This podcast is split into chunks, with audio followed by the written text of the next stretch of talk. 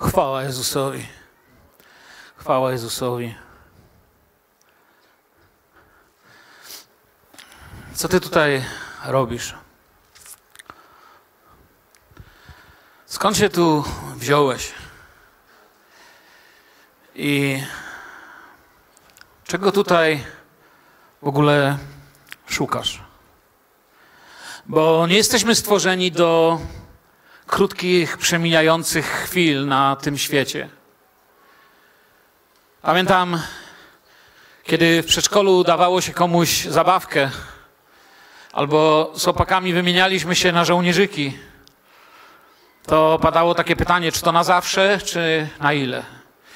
I brała odpowiedź, no na zawsze, nie? Pamiętacie, jak się dawało na zawsze, nie? Jesteśmy stworzeni dla wieczności i dla ciągłego bycia z Panem. Człowiek nie potrafi znaleźć sobie miejsca na tym świecie. Czegokolwiek by nie próbował, czy próbowałby kompletnej ascezy i nieposiadania niczego, lub czy próbowałby stać się najbogatszym i najmądrzejszym, nie może sobie znaleźć miejsca na tym świecie, bo jest stworzony do bycia z Bogiem, bo jest Jego stworzeniem. I chciałem dzisiaj spojrzeć na drogę i powołanie Abrahama. To nie będzie jakieś wielkie, głębokie biblijne studium, powiedziałbym bardzo proste słowo, których chciałbym, którym chciałbym Was, przyjaciele, bracia, siostry, zbudować, posilić. Powołanie Abrahama jest takim powołaniem nasz wszystkim. On jest typem powołania, typem tego, który wierzy, czy wzorcem tego, który wierzy, typem Mesjasza. Ojciec w swojej wędrówce życiowej, ojciec Abrahama, mam na myśli, doprowadził go do Haranu, ale to jest inna historia na temat pewnego innego wędrowania. Chociaż przyznam szczerze, że gdy wczytuję się w tą historię, to jeżeli czytacie Biblię, wiecie o czym teraz mówię. Ojciec Abrahama, wtedy jeszcze Abrama, wyruszył ze swojego domu Zmierzając dokądś, dotarli do miejscowości Haran, tam się osiedlili, tam się wychowywał Abraham, tam doświadczał jakiegoś y, odkrywania duchowych rzeczy. Żydzi w niektórych swoich midraszach czy y, opowieściach nauczają, że wraz z ojcem prowadził y, sklep z bałwanami, z bożkami, że był bardzo gorliwym wyznawcą. Nie wiem, to taka ciekawostka, ale ciekawą rzeczą jest ta sama miejscowość Haran, Haranu dokładnie z akadyjskiego, czyli droga, rozdroże. Takie miejsce, z którego w końcu trzeba będzie zdecydować, co dalej. Takie miejsce, gdzie no coś się w końcu musi stać. I przychodzi czas na nowe przeżycie i chciałbym o nim przeczytać w pierwszej Mojżeszowej, dwunasty rozdział od pierwszego do trzeciego wersetu i rzekł Pan do Abrama, wyjdź z ziemi swojej i od rodziny swojej i z domu ojca swego do ziemi, którą ci wskażę a uczynię z ciebie naród wielki i będę ci błogosławił i uczynię sławnym imię twoje, tak że staniesz się błogosławieństwem. Sławnym imię twoje. Zobaczcie, ile tysięcy lat minęło. XXI wiek, siedzimy tu w Bielsku Białej i mówimy o Abrahamie. Sławnym imię twoje. Coś wskazuje. I trzeci werset. I będę błogosławił błogosławiącym Tobie, a przeklinających Cię przeklinać będę. I będę w Tobie błogosławione wszystkie plemiona ziemi. To się łatwo czyta, ale co tutaj się dzieje?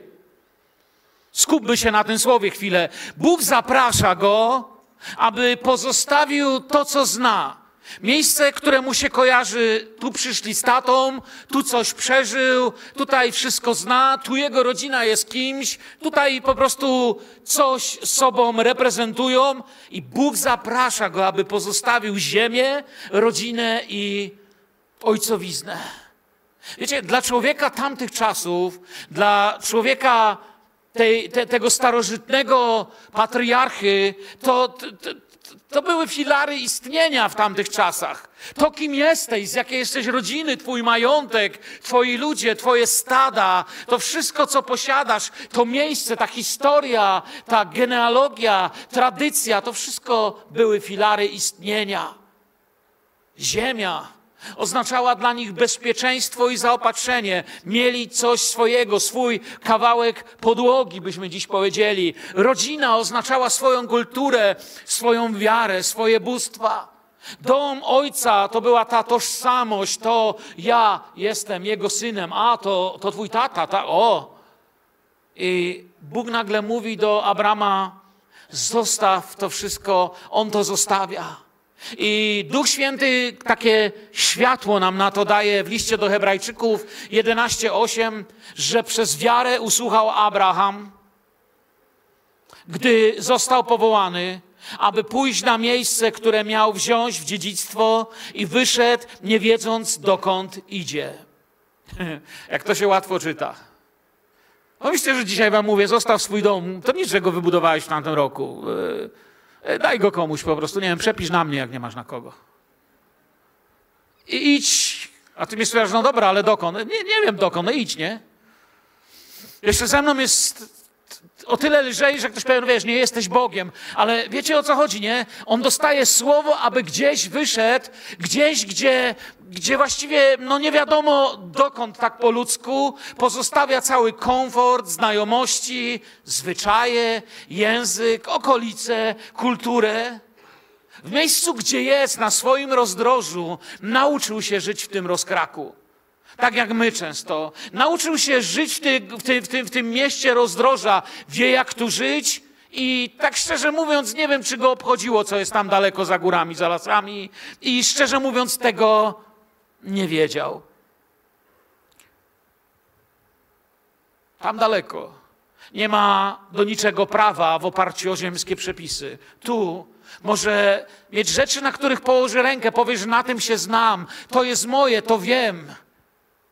I tu się zaczyna nasza lekcja duchowa dla naszego życia, ponieważ często w naszym rozdrożu, w naszym rozerwaniu, w naszym rozszarpaniu wiemy, chociaż w tym miejscu tej naszej bidy, co jest nasze, co nie nasze, ile zapłacić, ile mam, którędy, jak i tak dalej. Jakoś tą codzienność tu ogarniam.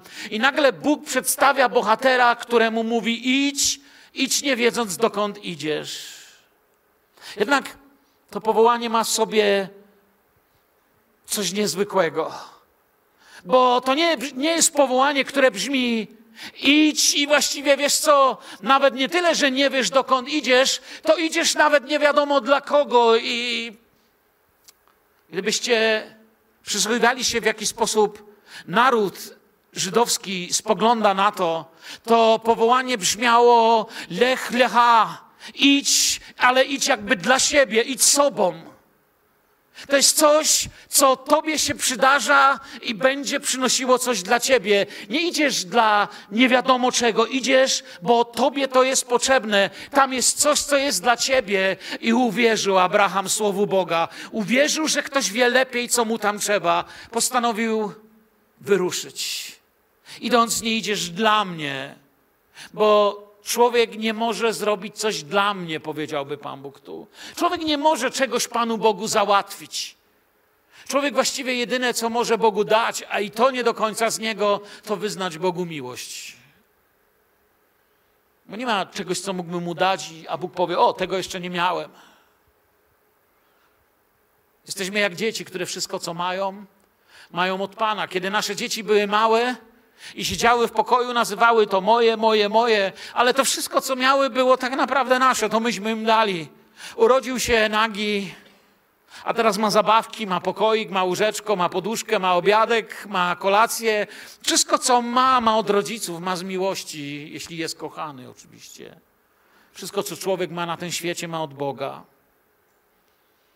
Przyjmując powołanie, lech, lecha, idź, Idziesz, Abrahamie, dla siebie. Przyjmując dzisiaj i wsłuchując się w cichy głos Ducha Świętego, wierzę, że na dzisiejszym nabożeństwie, i widzę to nawet w prowadzeniu pieśni, modlitwy, tego, co tutaj do tej pory się wydarzyło, wierzę, że zarówno mnie, jak i muzyku Duch Święty pobudził, by dzisiaj Wam położyć wyzwanie że słuchaj się w głos Ducha Świętego i być może miejsce, do którego chcecie dziś zabrać Bóg, nie będzie zmianą dosłowną adresu, Na zasadzie, że zmienisz ulicę z jakiejś tam X1 przez, przez 7 czy coś w tym stylu na inny adres, ale zmienisz swoją duchową rzeczywistość. To miejsce duchowe, z którego wyjdziesz i, i zrobisz następny krok. I Bóg mówi, robisz to dla siebie. To jest moje powołanie dla ciebie. Abram ma iść setki kilometrów. Wiecie, nawet dzisiaj, w XXI wieku, w takiej odległości jest już inna kultura. Niektórzy z nas wyjeżdżają za granicę do tych nawet najbliższych krajów. Jedźcie do Szwecji, inna kultura. Przekroczcie choćby Olzę w Cieszynie do Czech. Już jest troszeczkę inna kultura. Już się ludzie różnią, chociaż tak bardzo globalnie jest na świecie. Nawet dzisiaj jest inna kultura, co dopiero wtedy. Pójście za Jezusem. Pójście za powołaniem Jezusa jest podobnym wyzwaniem, jest wyjściem w zupełnie inną rzeczywistość, w której w Twojej firmie, w Twojej fabryce, być może nawet w Twoim domu nikt jej nie szanuje, nikt nie wierzy.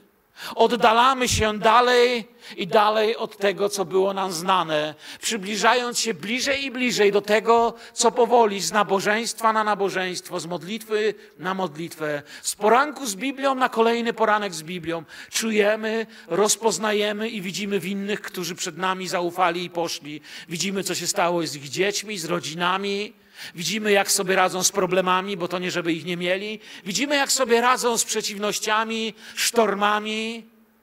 I czujemy, że Bóg ma coś dla nas, że czas jest powiedzieć, Panie, dość przebywania na tym rozdrożu.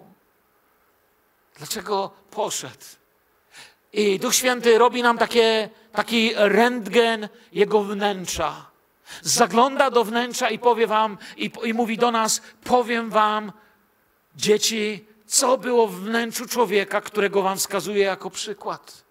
Hebrajczyków 11:10. To moja opinia na to, co było w jego wnętrzu, powiedziałby nam Duch Święty dzisiaj, czy mówi do nas. Oczekiwał bowiem miasta mającego mocne fundamenty, którego budowniczym i twórcą jest Bóg. Tęsknił za lepszym krajem. Tęsknił za za czymś lepszym niż to, co znał, chociaż było nienazywalne. To było to uczucie, kiedy rano wstajesz i mówisz, to nie jest do końca moje miejsce. I to nie jest ten moment, kiedy narzekasz, że ci ciężko, bo, bo na świecie chyba nie ma miejsca, gdzie będzie lekko, nie trzeba będzie, wiecie, niczego robić i tak dalej. Ale czasami nawet gdy się zmagasz, wiesz, że jesteś na swoim miejscu. Amen, wiecie o co mi chodzi. A czasem jest tak, że wstajesz i mówisz, ani nie jestem tam, gdzie mam być, ani tym, kim mam być, ani nawet nie zmierzam tam, gdzie mam być.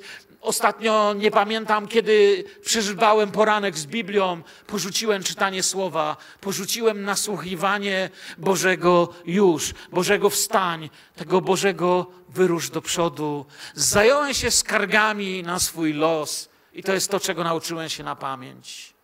Tęsknił za lepszym krajem, czymś lepszym niż to, co znał. Cokolwiek dzisiaj robisz, kimkolwiek jesteś, kto tu siedzi na sali, może wakacje nas troszeczkę przeczebiły, ale widzę też parę nowych twarzy. Jesteś kimś tam, skąd przyszedłeś. Studentem, uczniem, pracownikiem, lekarzem, kierowcą, kucharzem. Mógłbym wymieniać, wymieniać. Cokolwiek dziś robisz jako student, uczeń, pracownik, Bóg podaje, wierzę dzisiaj większą perspektywę. Mówi, chcę włożyć w Twoje serce pewną tęsknotę, bo jest niebiańskie miasto, do którego idziemy. Jesteśmy dla ludzi świadectwem. Kiedy im pomagamy, kiedy im wspieramy, kiedy błogosławimy ich. Słuchajcie, jesteśmy świadectwem. Ludzie widzą, kim jesteśmy, co robimy. Kiedy pomagamy, kiedy błogosławimy, kiedy się modlimy. I tego się nie da ukryć w naszej pracy wcześniej czy później. Ludzie zauważą, że jesteśmy wierzący, że dokąd zmierzamy, że wędrujemy i nie da się tego schować. Chyba, że nie jesteśmy, no to wtedy nikt nie widzi, wtedy nawet sąsiad nie wie, że my w ogóle w coś wierzymy. Patrzyłem na życie Abrahama. Jest przeciwnością ludzi z wieży Babel. Nie wiem, czy pamiętacie wieżę Babel. Ludzie postanowili sobie ją zbudować i to byli ludzie, którzy postanowili, że się właśnie nie rozejdą. że nie pójdą za poszukiwaniu czegoś, że nie zaniosą jakiejś wiadomości, ale sami siebie ogłaszać, że czyli bogami, sami sobie uczynili swoje bóstwo i skupili się na jednym miejscu, aby nawet stać się większym niż Bóg. On jest przeciwnością tych ludzi. On nigdzie oni nigdzie nie zamierzali iść, a on nie zamierzał dalej zostawać w takim stanie, jak był. Zaczą, za, oni zaczęli budować coś dla siebie, a on wierzył, że gdzieś Bóg, który go kocha, zbudował coś dla niego. I wiecie, mi się dzisiaj o tym łatwo mówi w niedzielę. Ale chcę, żebyście sobie zdali sprawę, że Abraham to nie jest ktoś, kto po prostu wychował się w domu, gdzie mu powiedzieli, że Pan Bóg go kocha. To jest człowiek, który najpierw wierzył w wielu bogów, Potem gdzieś musiało mu w głowie dojść do niego, że jest ten jeden Bóg, największy z wszystkich bogów, aż doszedł do tego miejsca, w którym my go rozpoznajemy, że Bóg jest Bogiem jedynym, któremu warto służyć, że jest Bogiem jedynym, który w ogóle jest, a reszta to jest wszystko oszustwo.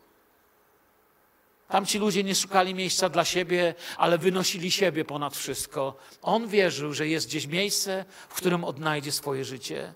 I wierzę, że jako Kościół właśnie mamy takie wezwanie, nie budować sobie jakiegoś wygodnego zbiorowiska. Wiecie, czasami można się zebrać jako Kościół i zadowolić się tym, ilu nas jest, jak tu jest, niczego nie zmienić, niczego nowego nie zrobić, nikomu nie powiedzieć, fajnie jest w takiej kupie, jak jesteśmy, jesteśmy lepsi, doskonali, nie mamy problemów.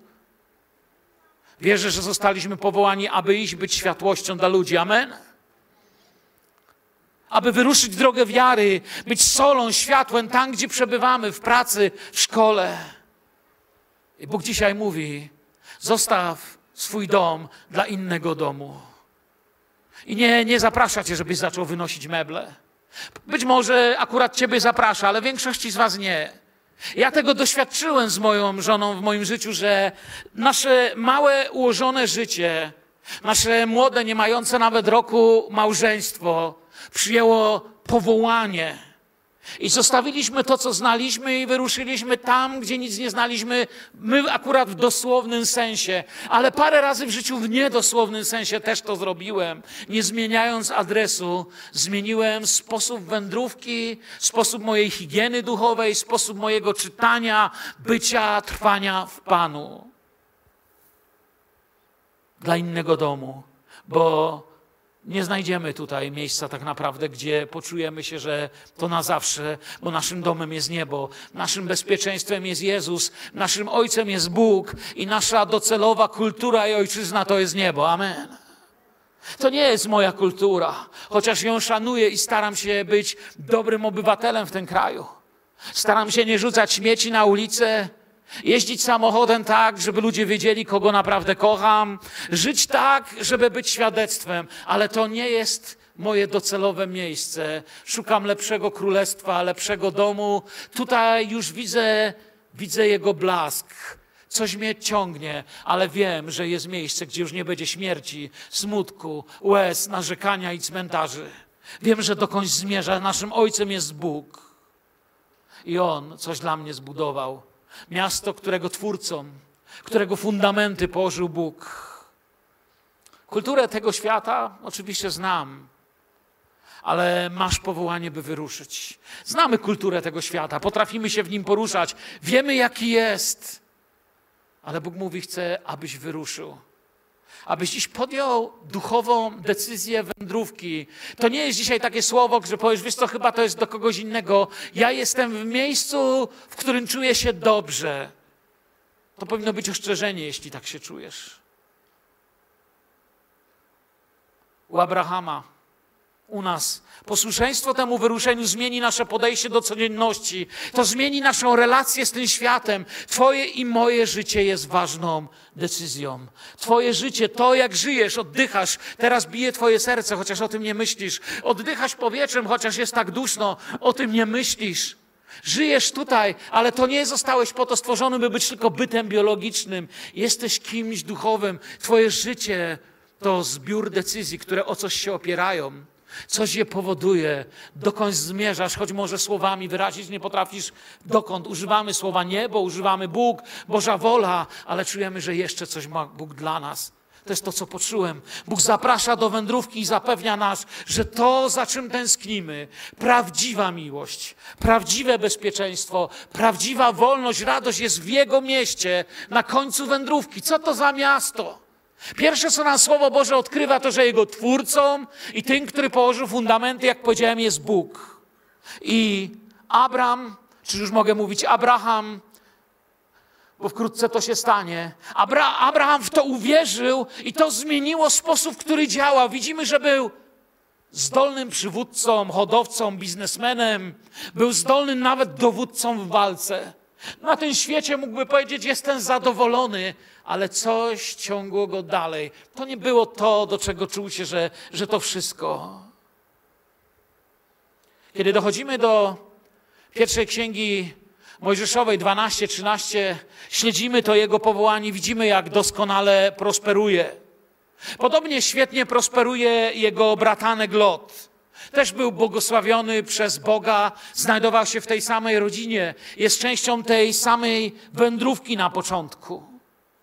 Pamiętamy dlaczego. Z powodu Abrahama i posłuszeństwa danym mu obietnicom. Pierwsza księga Mojżeszowa 13, 7, 8 mówi, że to prosperowanie, ta wspaniała radość, której doświadczali, stała się w pewnym momencie to prosperity kłopotem. Bo co się dzieje? Pierwsza Mojżeszowa 13, 7, 8. Między pasterzami stad Abrama, a pasterzami stad Lota powstał spór. A Kananejczycy i Peryzyci mieszkali wówczas w kraju. Innymi słowami, Biblia mówi, byli tak błogosławieni, że mieli dużo, nie mogli pomieścić swojego błogosławieństwa, a świat się temu przyglądał. Wtedy rzekł Abraham do Lota: Niechże nie będzie sporu między mną a tobą i między pasterzami moimi a twoimi. Jesteśmy przecież braćmi. A jak mówię, wokół miejscowi ludzie przyglądają się. Mogę sobie wyobrazić, jak to wyglądało, kiedy była mała sadzawka czy studnia i dwa wielkie stada przychodziły. Słudzy czy naczelnicy tych stad czy różnego rodzaju innych służb zaczynali się bić, przepychać, wizywać. Jedni stawali się tymi od Lota, drudzy tymi o Abrahama. Abraham mówi: Nie, nie, nie. To, to dalej tak być nie może. I to jest ta lekcja, którą w tej wędrówce wiary, w tym, że Bóg cię ciągnie do czegoś innego, do tego, żebyś się ruszył z zdroża, żebyś się nie nauczył na pamięć tylko tego, jak jest trudno i źle, ale zaczął być człowiekiem, z którego brzmi Jego słowo. To jest ta lekcja, którą chcę Wam dziś położyć tutaj. Pojawia się potrzeba większej ilości wody i pastwisk. Lot, tak jak Abram, ma wielkie stada, mnóstwo ludzi. Jak domyślacie się, pojawiają się, jak już to wspomniałem, plotki, bójki, złośliwości, pomówienia. I Abraham zaczyna namawiać do zgody. I coś bardzo ważnego, co chciałbym, abyśmy popracowali w naszym charakterze teraz, zaczynamy tutaj widzieć. Pierwsza Mojżeszowa 13, 9, 11. Zobaczcie to. Czyż cały kraj nie stoi przed Tobą otworem? Odłącz się więc ode mnie. Jeśli chcesz pójść w lewo, ja pójdę w prawo, a jeśli chcesz pójść w prawo, to ja pójdę w lewo. Wtedy Lot, podniosszy oczy, widział, że cały okręt nadjordański, zanim Pan zniszczył Sodomę i Gomorę, był obfity w wodę jak ogród Pana, jak ziemia egipska, aż do Soaru. I wybrał sobie Lot cały okręg nadjordański i wyruszył Lot na wschód. Tak rozstali się obaj ci mężowie. On zna się na życiu, na stadach i biznesie.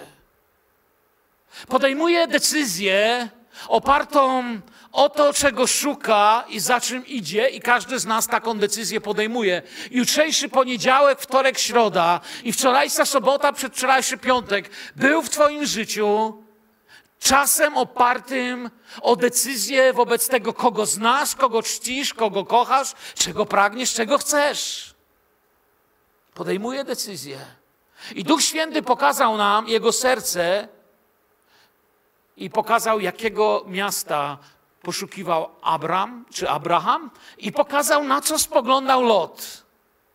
I Lot spogląda i widzi prosperity, Sodoma, Gomora, królestwa. Lot rozgląda się i ocenia tak bardzo po naszemu. My, my to ocenę często dokonujemy od przedszkola.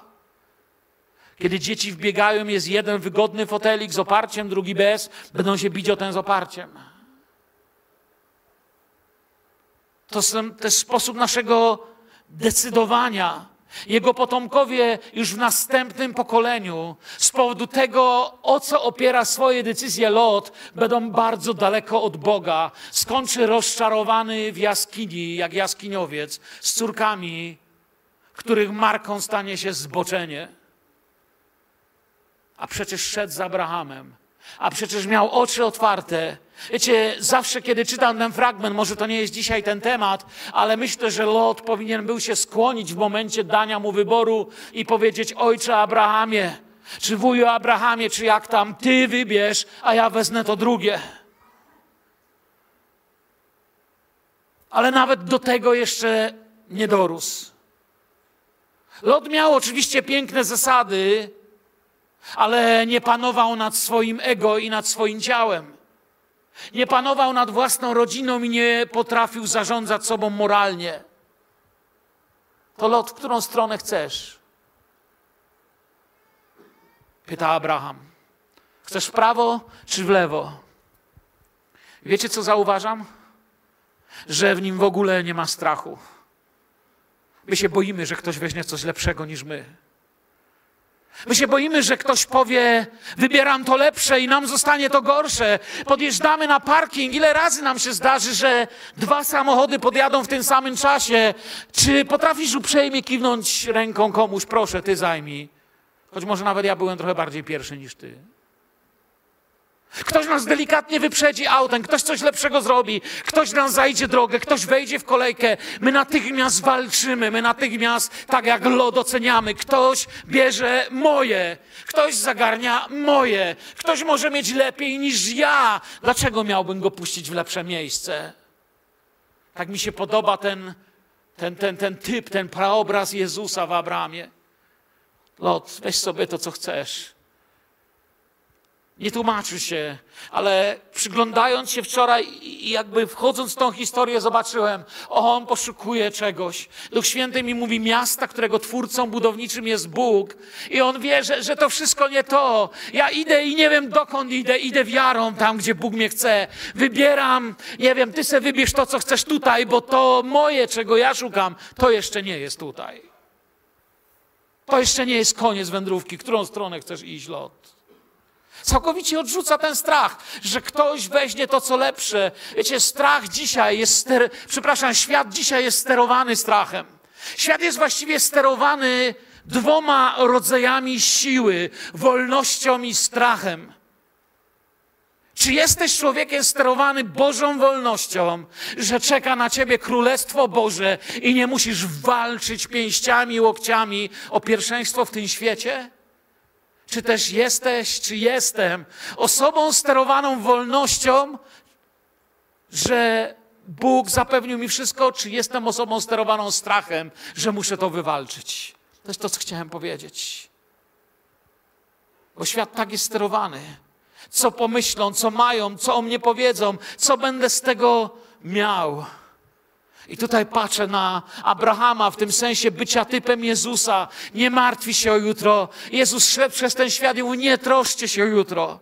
Nie mówi, bądźcie nierobami. Nie mówi, bądźcie leniami. Nie mówi, połóż się, leż i może się rozłożysz i umrzesz. Nie. Ale mówi, nie, musicie walczyć o jutro. Nie musicie się troszczyć, bo wy idziecie dalej. To jeszcze nie jest koniec. To nie jest miejsce dla ludzi, dla których to jest wszystko, czego pragną, to już jest koniec. Niech sobie walczą. On rozumie, że powołanie od Boga przewiduje takie detale, jak to gdzie się jest, ale to nie jest koniec. Nie trzyma kurczowo tego, co da się złapać. Bez lęku mówi do Lota, chcesz w prawo, czy chcesz w lewo? Ja wezmę to drugie. Dwie teologie chcę wam powiedzieć. Jest teologia strachu, która będzie cię napędzać lękiem o to, co będzie jutro. Czy dostaniesz, czy przed tobą ktoś to zwinie.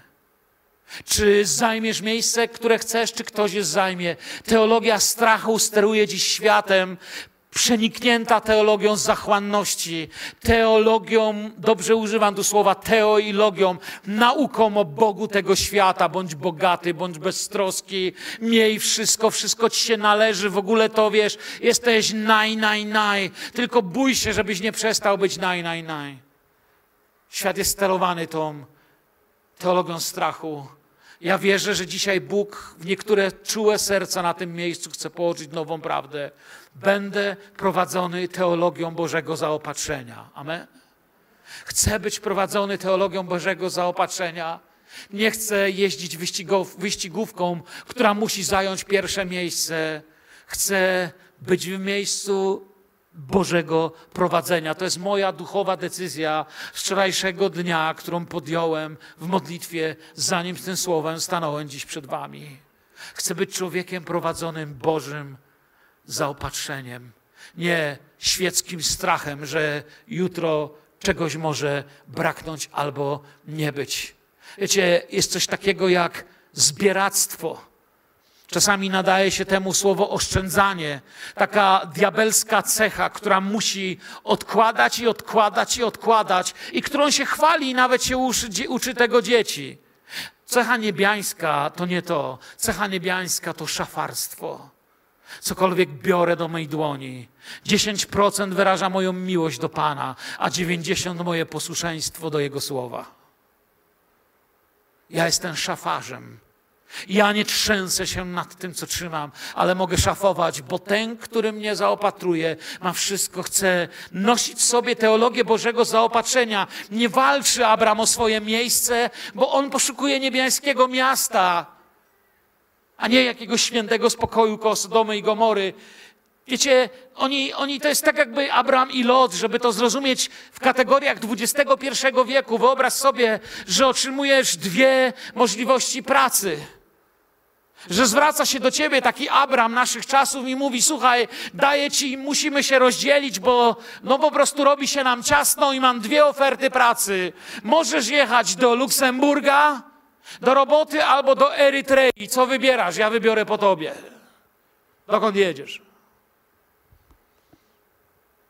Ktoś nie wie, co to Erytrea, to radzę wybrać Luksemburg. Chyba nigdzie Kościół oprócz Korei Północnej i Sudanu nie jest tak prześladowany jak tam. Jedno z najbiedniejszych i najbardziej pozbawionych wypełniania podstawowych praw człowieka państw. Jedno z najgorszych miejsc do życia na świecie. I Luksemburg, najbogatsze w tej chwili państwo na świecie.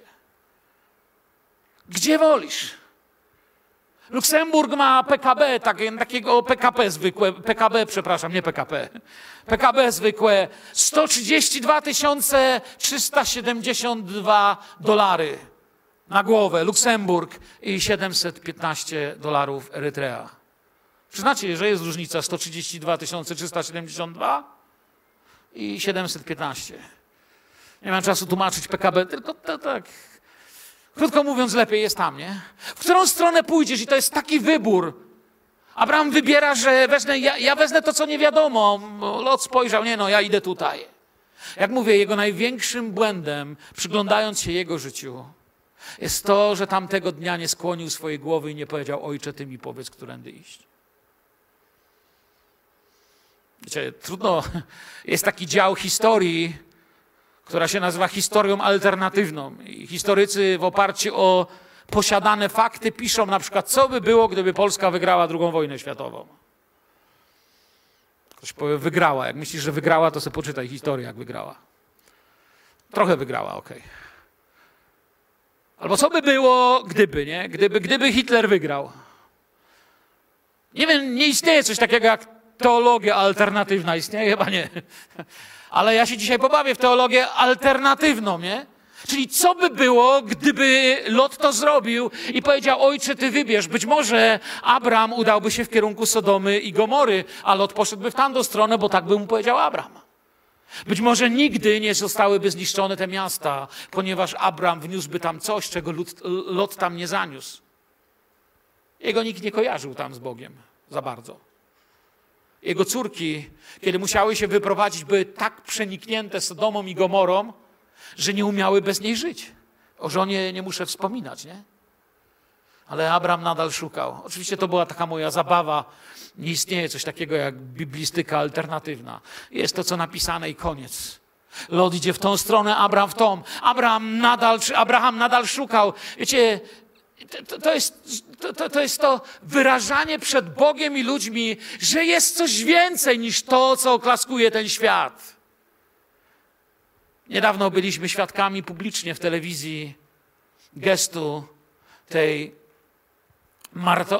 tego maratonu, prawda, gdzie, gdzie, gdzie wzruszony oglądałem, jak prowadząca upada, mdleje i osoba, która biegnie w tym maratonie za nią na drugim miejscu. Wszystkie kanały to pokazywały ostatnio, nie? Podnosi tą kobietę i razem z nią idzie do mety, a po drodze wyprzedzają ich inni.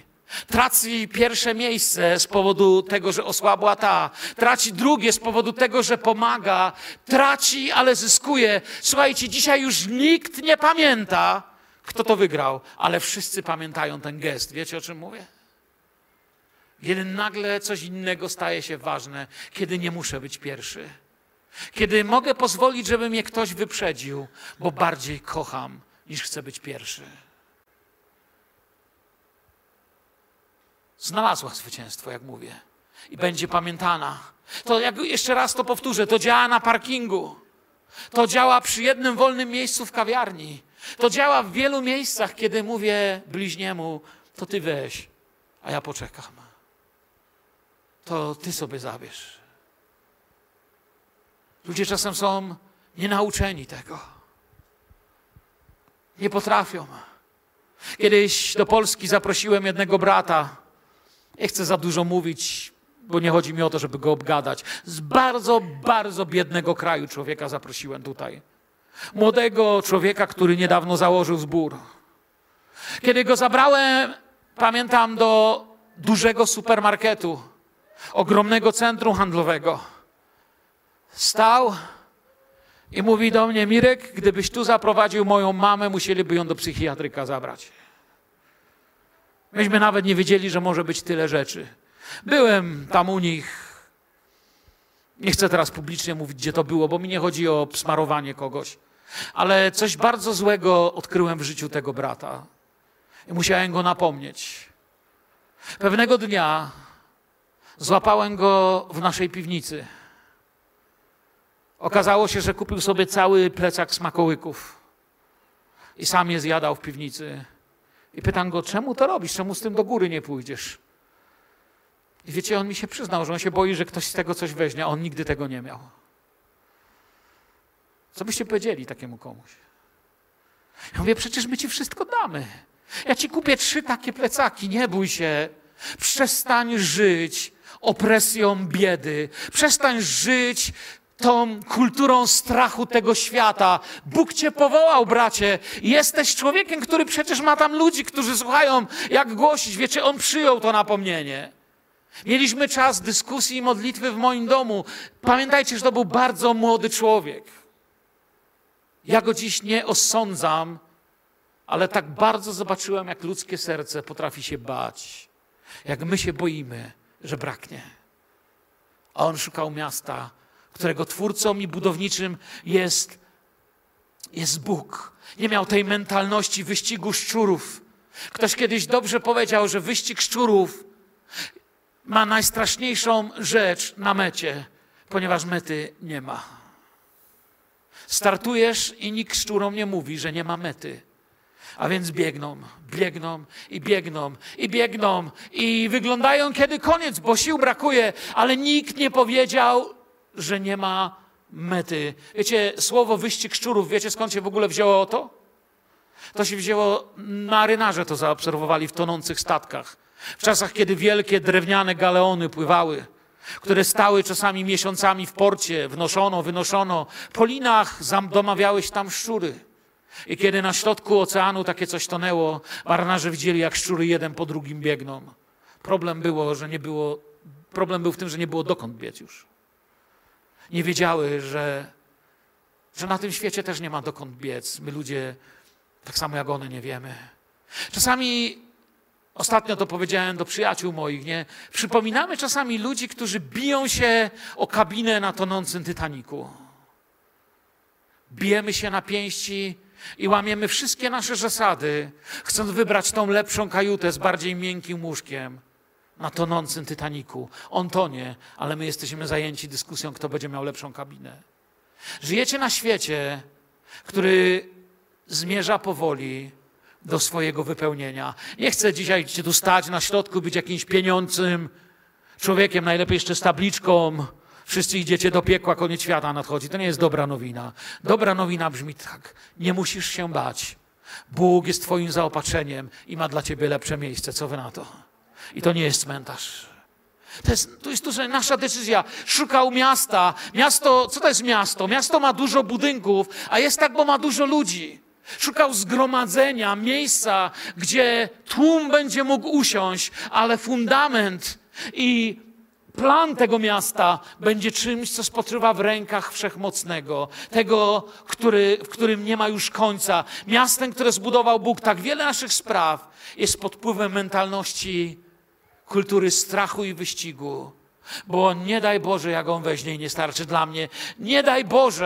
a, ale który Boże? Przez duże B czy małe B?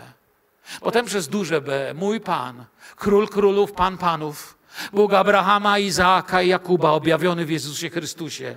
Mówi, nie bój się, nie braknie. Przygotowany jest dla ciebie stół i miasto. Bo co to za miejsce zaopatrzenia Bożego, jeśli potrzebne są zachowania rodem z dżungli i łokcie?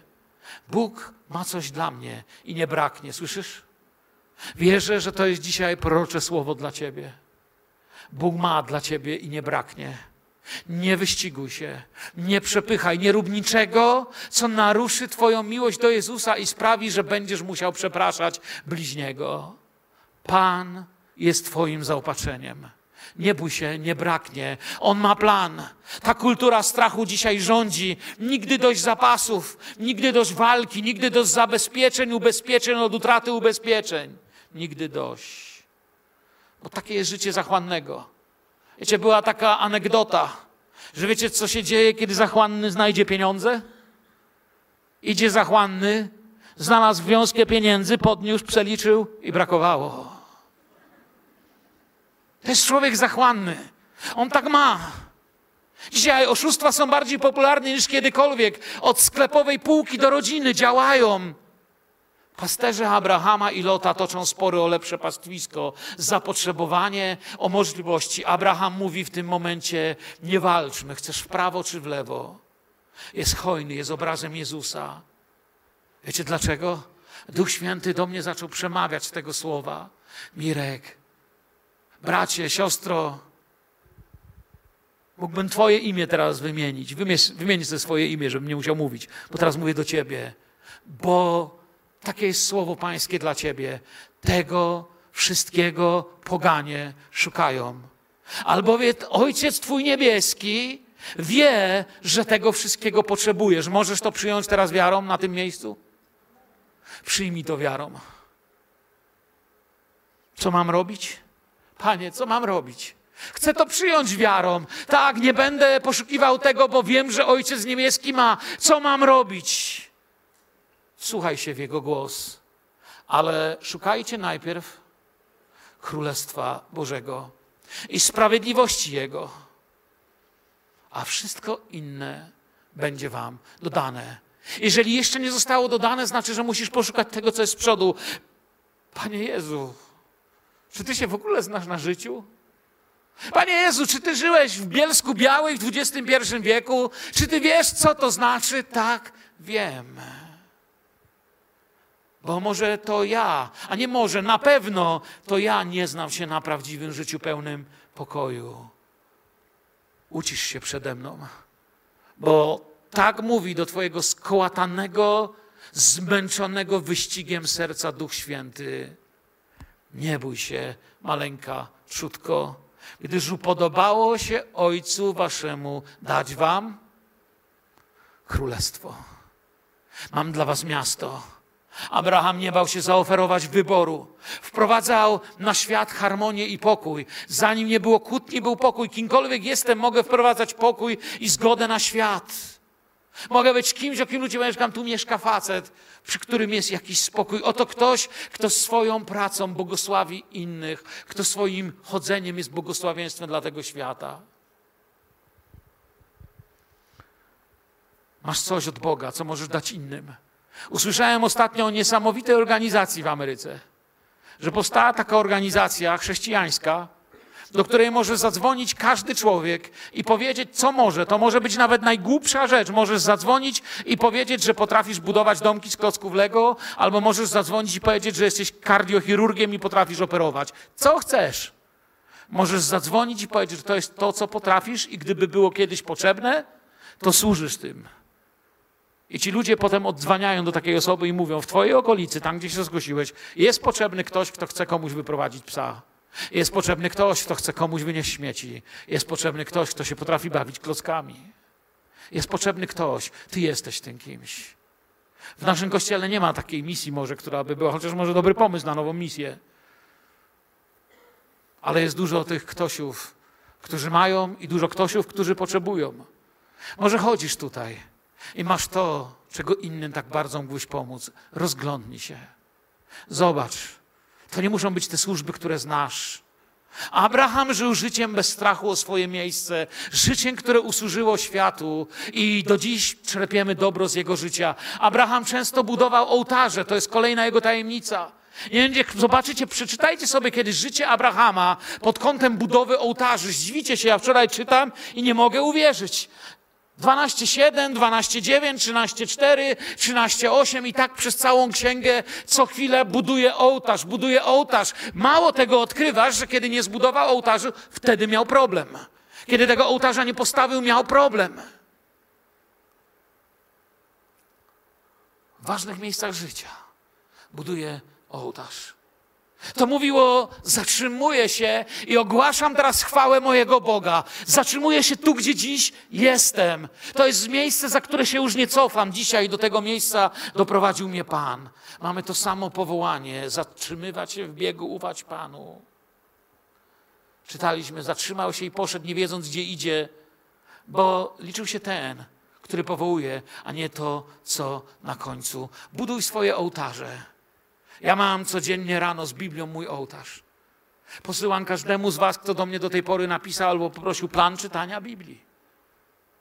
Wkrótce, jeżeli zaczęliście równo ze mną, przynajmniej ten plan, bo wcześniej używałem innych, które też są dobre, ale jeśli zaczęliście ze mną ten plan, to już za parę dni kończymy pierwszy rok. To oznacza, że w tym roku, oprócz innych czytań Słowa Bożego, przeczytałem rano z modlitwą całą Biblię. Jeszcze raz powtarzam, oprócz innych momentów, gdzie trwam w czytaniu słowa, które mówi do mnie Pan. To jest mój ołtarz, moja służba. Miej to, nie żyj kulturą strachu, która się roznosi. Człowiek jest obdarzony przez Boga sumieniem. Powoli chcę kończyć. Chciałbym Was do końca teraz i do modlitwy doprowadzić, nasz zbór. Jesteśmy obdarzeni sumieniem. Nawet w głębi dżungli Misjonarze odkrywali, że najbardziej prymitywne plemiona mieli, mają w sobie tą wieczność od Boga, coś takiego jak sumienie, co im mówi, co jest dobre, co jest złe. Ten świat staje się coraz bardziej światem, który chce złamać nasze sumienie, odłożyć je na bok. Sumienie gdzieś wewnątrz nas coś od Boga mówi, lepsze jest życie bezinteresowne ale wszystko wokół krzyczy nie. Lepsze jest życie egoistyczne, żebyś przetrwał. Abraham odmówił dostosowania się, bo zaczął poszukiwać czegoś innego. Uznał to za niedopuszczalne i postanowił być gościem na tej ziemi. Przyznacie się, że u siebie i w gościach człowiek zachowuje się inaczej. Dobrze mówię, czy nie? Kiedy jestem w gościach, to mi muszą powiedzieć, czuj się jak u siebie w domu. Wiecie, nigdy tak nie było, żeby ktoś z was przyszedł do mnie na kawę i przy wejściu mi powiedział, cześć Mirek, miło cię odwiedzić, czuj się jak u siebie w domu. No chyba, że w żartach, nie? Ale kiedy ja do was przychodzę, wielu z was tak mówi. Nie chcę tu się czuć jak u siebie w domu, to nie jest mój dom. Pamiętacie, świat nie jest domem my, miał tu przechodniem jest, taką starą pieśń? Skarby w niebie są, nie w tej dolinie łez. Jak gdzieś indziej idę. Chciał miasta, w którym nie trzeba będzie walczyć o swoje i wyścigować się do wszystkiego. Zwracał uwagę na jego fundamenty, a nie na pozory. To Bóg musiał być projektantem i twórcą tego miasta. Szedł przez wiarę i to była jego codzienna decyzja i będzie Twoja. Znalazł. Ale wiecie co?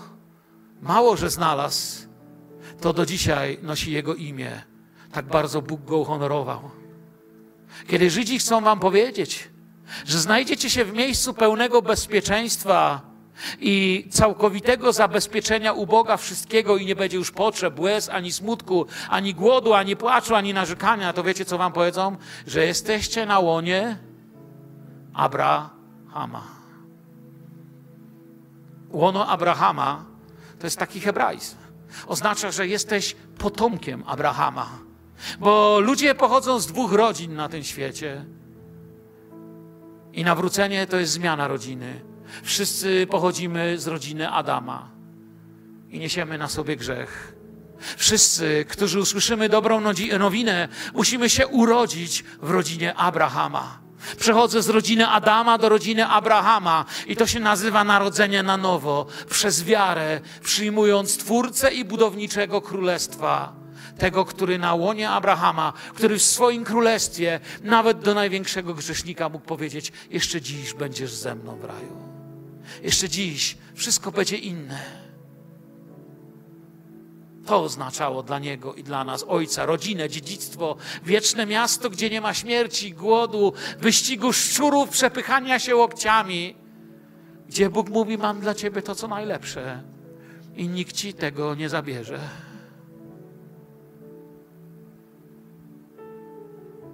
Pamiętam lata temu wizytę w głębi Meksyku w domu dziecka.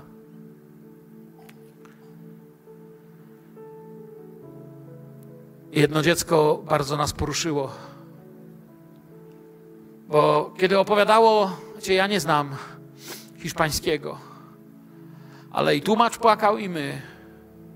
Kiedy taki mały człowiek Powiedział, że największym szczęściem dla mnie jest to, że mam krzesełko, na którym piszę moje imię, i talerzyk, na którym piszę moje imię, i haczyk w szatni, na którym piszę moje imię. A do nas doszło, że mam w niebie miejsce, na którym piszę moje imię. Czujecie to? Ten mały mówił o czymś innym, ale nam powiedział teologię królestwa wolności. Królestwa nie dżungli, nie wyścigu, nie przepychania się, ale mojego imienia i nagle takie lśnienie. Ojcze nasz, który jesteś w niebie. Powiem Ci, jakie jest pragnienie mego serca. Przyjdź królestwo Twoje. Bądź wola Twoja. Jak w niebie, tak na ziemi. Kończę wyścigi. Kończę wyścigi. Ja już niczego nie szukam, zanim powie w księdze objawienia oto przyjdę. Zanim zostaną wypowiedziane te potężne słowa, oto przyjdę, to są wypowiedziane wspaniałe, piękne, pełne obietnicy. Można by zacząć przy tych słowach krzyczeć: Znalazłem. Abrahamie, znalazłem to, czego szukałeś, już wiem, gdzie to jest, bo widziałem miasto święte, Nowe Jeruzalem, stępujące z nieba od Boga, przygotowane, przyozdobione jak oblubienica dla męża swego. Mam, znalazłem, to jest to miejsce. O, i zaniósł mnie w duchu na wielką, wysoką górę i pokazał mi miasto, święte Jeruzalem, stępujące z nieba od Boga. Chwała Bogu, o ludzie. Macie to? Ma sens to, co mówię, czy nie? Dajcie mi znak, że to ma sens, bo, bo się tu rozpłaczę przy was. To, to ma sens. To jest to, czego szukamy. Już nic nie chcę powiedzieć. To jest to, czego szukamy. Chcę znaleźć to, co ma dla mnie Bóg. Nie chcę się przepychać. Wstańmy i uwielbijmy Go. Poddajmy się, powiedzmy Mu koniec wyścigu. Panie, dziękujemy Tobie, że Ty przygotowałeś dla nas miejsce.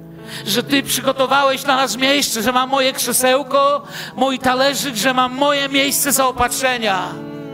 Że nie mam już tam karty lekarskiej i nie muszę się martwić o łóżko w szpitalu ale mam Twoje obietnice i śmierć już nie będzie ani smutku, ani łez, ani narzekania. Panie, chcemy poszukiwać nowego miasta, nowego miejsca i być świadkami, którzy świecą światłem, które informuje, które zachęca, które prowadzi. Chcę ściągnąć nogę z gazu, chcę przestać biec, chcę przestać, przestać się martwić, przestać bać. Panie, proszę Cię o tych, których dzisiaj przez Twojego ducha tutaj dotknąłeś. Panie, teraz na tym miejscu w imieniu Jezusa zabierz strach przed jutrem z każdego serca, które teraz o to się boi. Teraz zabierz strach przed brakami, przed głodem, przed dziurami w butach, przed brakiem na rachunki. Cokolwiek tutaj kogoś teraz boli. Nie chcemy być kulturą strachu. Chcemy być kulturą Bożych obietnic. Tak i amen. I całe zgromadzenie uwielbi Boga i powie Amen. Chwała Jezusowi.